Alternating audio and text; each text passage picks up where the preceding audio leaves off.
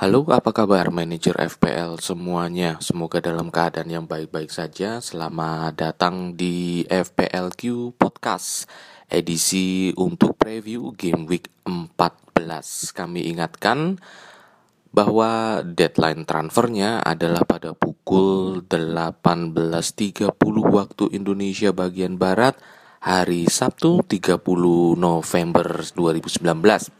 Dan jangan lupa bahwa game week 15 waktunya sangat-sangat mepet sekali. Sebab hari Rabu pagi itu sudah dimulai untuk game week 15 yang artinya harus diperhitungkan juga kemungkinan rotasi di tim FPL Anda masing-masing. Khususnya yang banyak menempatkan tiga pemain cadangan yang istilahnya hanya untuk memenuhi kuota squad saja, di mana pada kenyataan di atas lapangan hijau, pemain-pemain cadangan ini tadi tidak pernah dimainkan atau jarang sekali, minim sekali jam terbangnya. Oke, jadi kami ingatkan juga pada kesempatan kali ini untuk deadline transfer FPL Game Week 15 akan ditutup pada hari Rabu pagi 4 Desember pukul 1.30 WIB dengan pertandingan pertama adalah Crystal Palace melawan Bournemouth pada jam 2.30 WIB selalu satu jam setelah deadline transfer kick off-nya. Alright, banyak hal juga yang terjadi pada game week yang ke-13 kemarin. Uh, pilihan kapten rata-rata masih pada Jimmy Vardy dan beberapa yang juga mempercayakan kaptennya pada Hyung Minson cukup sukses saya rasa. Uh, sayangnya yang masih mempercayakan kapten Sterling seperti saya, ini gagal dapat poin gara-gara dianulir oleh VAR decision no goal. Hmm, cukup sakit hati, tapi ya bagaimana lagi? uh, semoga poinnya juga masih di atas rata-rata. Semoga masih panah hijau, walaupun saya juga enggak panah hijau kemarin ini. But anyway, masih banyak game week untuk bisa mendulang poin, termasuk pada game week yang ke-14 ini. Tottenham Hotspur tampaknya masih menjadi salah satu favorit baru khususnya karena kebangkitan yang berhasil diberikan oleh pelatih anyarnya Jose Mourinho. Terbukti di Liga Champions mereka kemarin juga memetik kemenangan 3 poin yang mengantarkan Spurs uh, lolos ke putaran 16 besar dalam pertandingan kontra Olympiakos. Dele Ali Harry Kane, Serge Aurier, Heung Minson, Lucas Moura, dan Christian Eriksen semuanya kasih andil ya dalam gol maupun assist.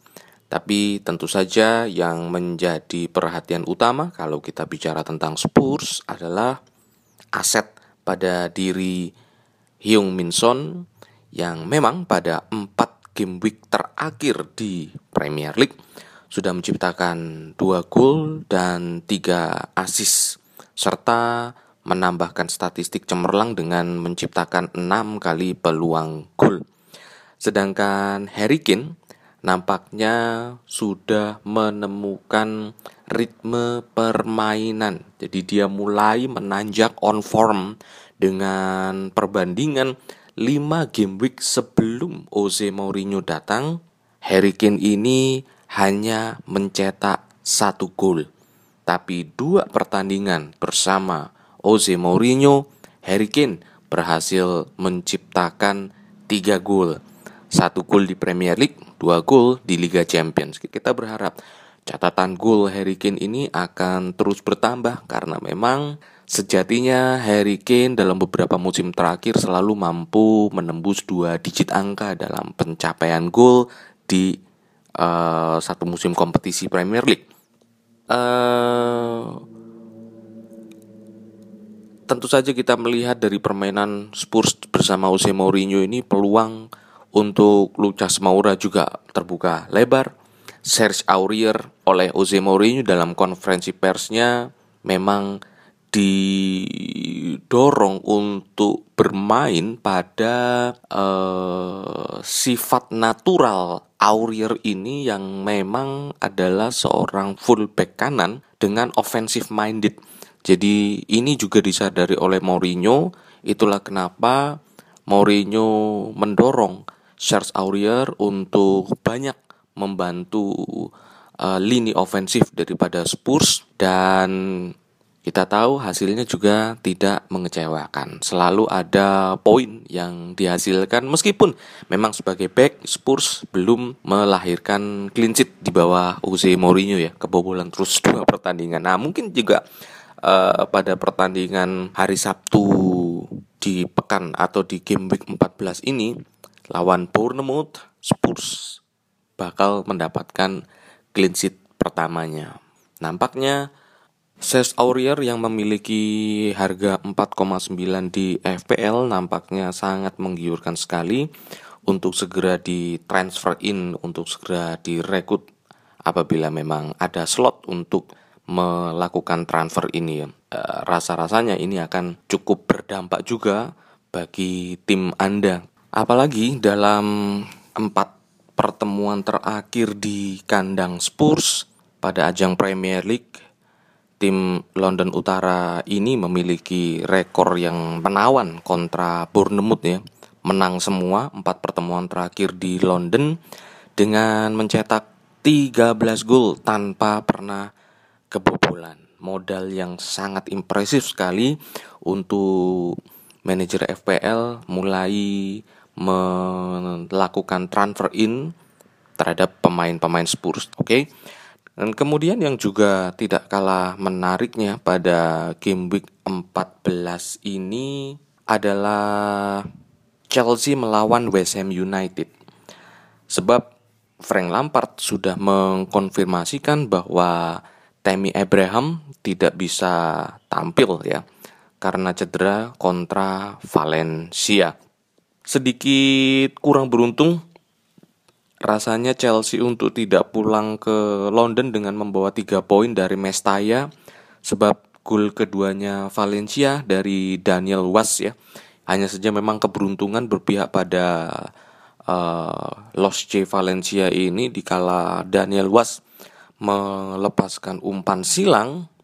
Nah bolanya ini melayang langsung menyeruak ke pojok kanan gawang Kepa Ariza Balaga. Tapi secara overall performa Chelsea di Liga Champions itu juga masih terjaga yang artinya ini juga membuat kita uh, tetap mengusung optimisme terhadap kemampuan Chelsea di pertandingan kontra West Ham, another London Derby pastinya di pekan ke-14 ini.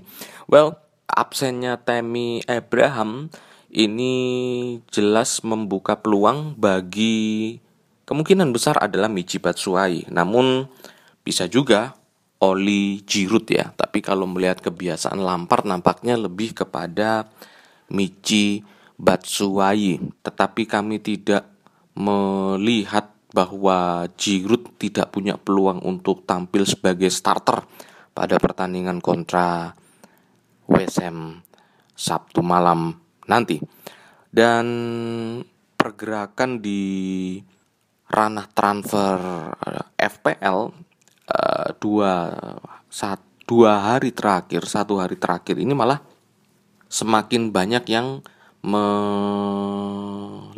ya Temi Abraham uh, untuk mencari kepastian ini ya mau diganti siapa ini juga bikin repot memang ada beberapa nama striker yang berada di rentang harga tidak terlalu jauh dari Temi Abraham. Sebut saja seperti yang sekarang sedang naik daun strikernya Wolves adalah Raul Jimenez. Ini juga merupakan aset yang cukup asik sekali sebetulnya kalau memang belum punya uh, dengan harga di bursa transfer FPL sebesar 7,6. Tetapi pada pertandingan Liga Eropa melawan Sporting Braga di Portugal, uh, Raul Jimenez ini memang dahsyat.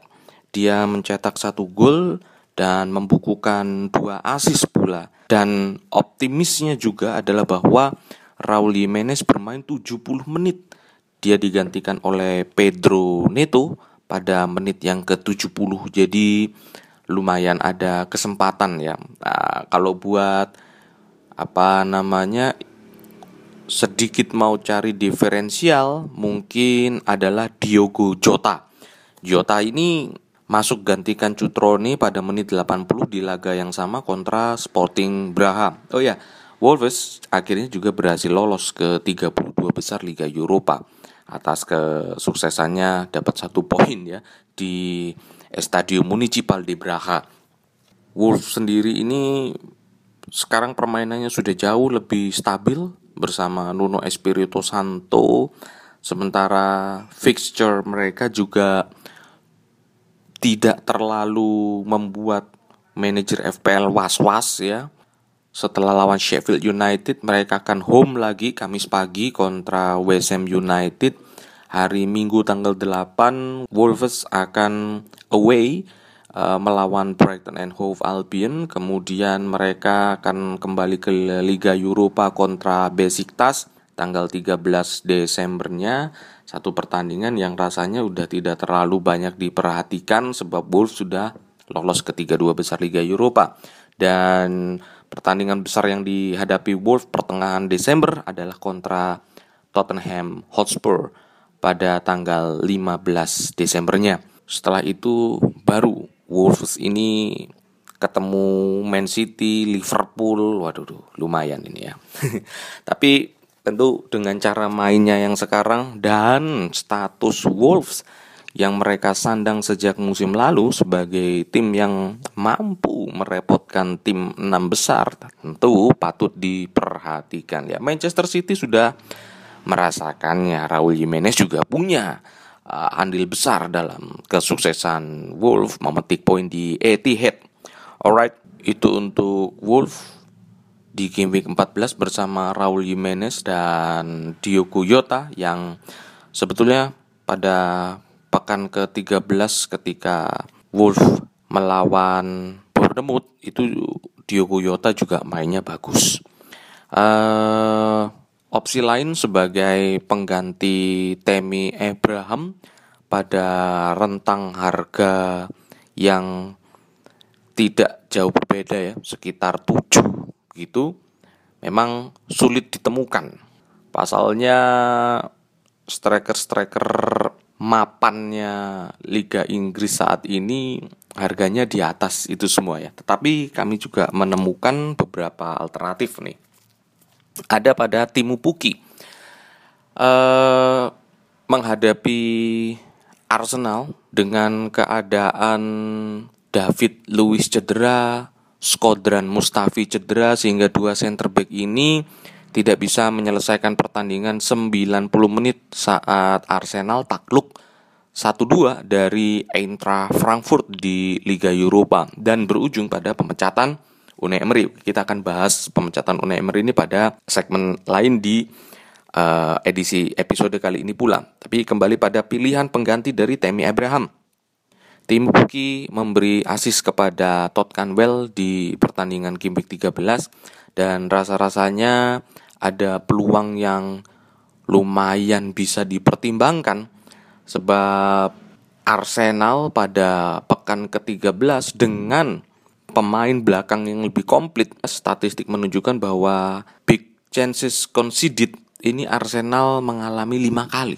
Jadi ini cukup banyak dan bisa kita bayangkan apa yang bakal terjadi apabila Arsenal ini tidak diperkuat oleh center back center back andalannya ya pada sosok David Luiz maupun Skodran Mustafi tapi kita belum tahu pasti apakah Luiz maupun Mustafi main atau tidak dalam pertandingan nanti. Uh, kondisi lini belakang Arsenal yang rapuh ini nampaknya berpeluang untuk membangkitkan kembali gol-gol daripada Timu Puki dengan harga 6,6 rasa-rasanya kalau Abraham diganti Timu Puki masih ada sisa uang yang bisa dialokasikan ke uh, pemain lainnya. Dan tentu saja adalah Dani Ings. 6,1 harga Dani Ings tapi dia sudah bikin 58 poin. Yang menarik juga adalah Dani Ings ini banyak menghasilkan poin uh, terutama sejak game week yang ketujuh. Hanya dua kali dia blank sejak game week yang ketujuh yaitu lawan Leicester dan lawan Manchester City. Sisanya dia selalu bikin poin 6, 7, dan 9. Yang tentu saja ini adalah sangat bagus sekali bagi Danny Ings yang harganya sekarang masih 6,1. Dan karakter Southampton yang memang sedang terpuruk di zona merah ya memaksa mereka untuk boleh dikatakan all out pada setiap pertandingan yang mereka mainkan supaya mereka bisa ngejar poin. Bagaimana mereka ngejar poin? Ya bikin gol. Saat ini Danny Ings on form sekali untuk melaksanakan kewajibannya sebagai striker. Kalau Anda masih punya sisa uang di bank sebagai pengganti Temi Abraham bisa juga adalah Marcus Rashford dengan nilai 8,7 ini ya. Uh, cukup menarik melihat Marcus Rashford ini yang memang terbilang ya atau tergolong angin-anginan ya. Tetapi tren uh, tren daripada Rashford sendiri juga tidak terlalu buruk sebetulnya.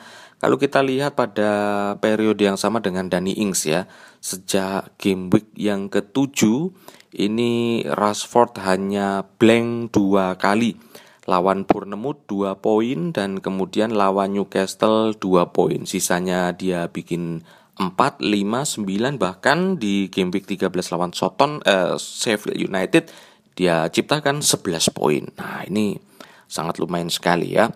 Ya, itu beberapa rekomendasi dari FPLQ untuk pengganti Temi Abraham kembali ke duel Chelsea lawan West Ham United. Nampaknya memang uh, Christian Pulisic juga menjadi salah satu aset yang bisa dipertahankan namun mungkin ada kegamangan dalam diri manajer FPL yang punya Mason Mount ya. Ketika Christian Pulisic naik terus performanya Mason Mountnya malah hmm ini ya. Tetapi ada peluang bagi Mason Mount bikin poin dalam pertandingan lawan WSM ini nantinya sebab uh, WSM ini selalu punya masalah ketika dia bermain di 45 menit yang pertama dan Chelsea tipikalnya mereka langsung tancap gas sejak kick off babak pertama jadi peluang bikin gol di babak pertama sangat terbuka bagi Chelsea dan keterlibatan Mason Mount tentu saja juga uh, diharapkan uh, ada di tengah-tengah uh, serangan-serangan Chelsea sehingga bisa memberikan poin. Uh, kemudian juga tentu saja tentang Arsenal ini kita bicara sedikit pemecatan Unai Emery memang tidak bisa terhindarkan lagi ya karena tujuh pertandingan berturut-turut Arsenal tidak pernah memetik kemenangan lagi sehingga uh, kesempatan terakhir yang diberikan oleh Dewan Direksi Arsenal adalah lawan Eintracht Frankfurt yang kita tahu hasilnya juga buruk buat Arsenal sehingga Unai Emery dipecat. Saat ini Arsenal memang sedang menggali siapa yang bakal jadi manajer permanen. Tapi kita tidak bicarakan manajer permanennya Arsenal. Untuk game week 14 ini mereka akan ditangani oleh mantan gelandang serang Arsenal sendiri yaitu Freddy Ljungberg yang selama ini Ljungberg adalah tangan kanan Emery. Ljungberg adalah uh, asisten daripada Unai Emery. Jadi Ljungberg tahu pemain-pemain ini. Namun nampaknya Ljungberg yang posisinya adalah pemain serang waktu masih aktif main dulu ini membutuhkan bantuan dari staff-staff Arsenal lain terutama untuk mengatasi mudahnya pertahanan dan gawang Arsenal dijebol. Ini adalah fokus nampaknya yang harus betul-betul segera diperbaiki. Tetapi sayangnya Leungberg dan kawan-kawannya tidak punya banyak waktu untuk melakukan semuanya secara maksimal. Sebab kalau dihitung berarti Leungberg hanya punya satu hari saja dua kali sesi latihan biasanya dalam satu hari untuk ya memberikan masukan-masukan kepada pemain-pemain Arsenal. Ya, rasanya sulit untuk memainkan ide baru pada waktu yang begitu singkat hanya satu hari, tetapi untuk memaksimalkan apa yang ada, mungkin itu yang terbaik yang bisa dilakukan oleh Ljungberg. Dan di sini nampaknya Arsenal akan sangat bergantung pada kualitas individu pemain-pemain mereka yang memang notabene lini depannya adalah yang paling mengerikan dari tiga lini yang dipunya oleh Arsenal kehadiran Pierre-Emerick Aubameyang lalu juga Alexandre Lacazette dan pemain muda Gabriel Martinelli akan krusial buat Arsenal dan Leicester City. Nah, Sangat menarik sekali melihat sepak terjang The Foxes sebab Leicester ini seperti lagi bulan madu dengan Brandon Rogers ya. Leicester sudah tidak pernah lagi mengalami kekalahan sejak 5 Oktober di Anfield. Dia kalah dari Liverpool 2-1.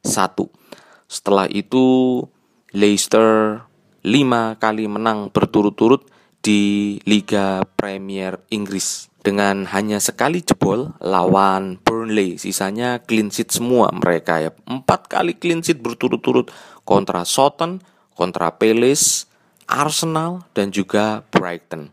Dan tentu saja keterlibatan Jamie Vardy sangat-sangat krusial sekali. Jadi tidak keliru kalau masih mempercayakan ban kapten pada Jimmy Vardy. Lihat saja empat game week terakhir sejak game week 10 Jimmy Vardy menorehkan tiga kali double digit lawan Southampton 20 poin, lawan Arsenal dan Brighton 12 poin. Bayangkan kalau Anda captain kali dua pasti akan sangat besar sekali efeknya buat tim Anda. Uh, pilihan kapten tentu saja juga ada pada Harry Kane sekali lagi kita kembali ke Spurs. Karena memang tren Spurs yang sedang bagus lalu catatan kemenangan Spurs atas Bournemouth yang tadi sudah kami sampaikan di depan. Dan mungkin Gabriel Jesus juga patut untuk diperhitungkan. Karena statistik ada menunjukkan Gabriel Jesus sebagai starter, maka poin ataupun dampak yang diberikan oleh Sterling pun lebih besar lagi. Memang Sterling sangat-sangat payah dalam beberapa pekan terakhir ini sejak game week 11 dia tidak pernah memberikan poin yang memuaskan ya satu, dua, dan mengakibatkan harganya turun karena dia banyak di depak dari uh, tim-tim FPL ini. Tetapi bisa jadi gol yang dianulir dalam pertandingan lawan Chelsea pekan lalu adalah warning buat manajer FPL ya. Jadi mungkin yang punya keberanian untuk mempertahankan Sterling bisa saja dia bikin poin lawan Newcastle United toh sepanjang sejarahnya uh, dalam 21 pertemuan terakhir kontra Newcastle di Liga Premier Manchester City tidak pernah absen bikin gol Jadi ini jelas sangat-sangat menarik sekali ya. Gabriel Jesus, Sterling, dan tentu saja Kevin De Bruyne. Namun kalau bicara Manchester City, saya juga kepikiran Riyad Mahrez. Nah, kemarin ini di Liga Champion, uh, Riyad Mahrez sama sekali tidak dimainkan oleh Pep Guardiola. Dia duduk manis di bangku cadangan selama 90 menit dan ya Newcastle pasti akan kesulitan menghadapi pemain yang lihat karakternya seperti Riyad Mahrez ini.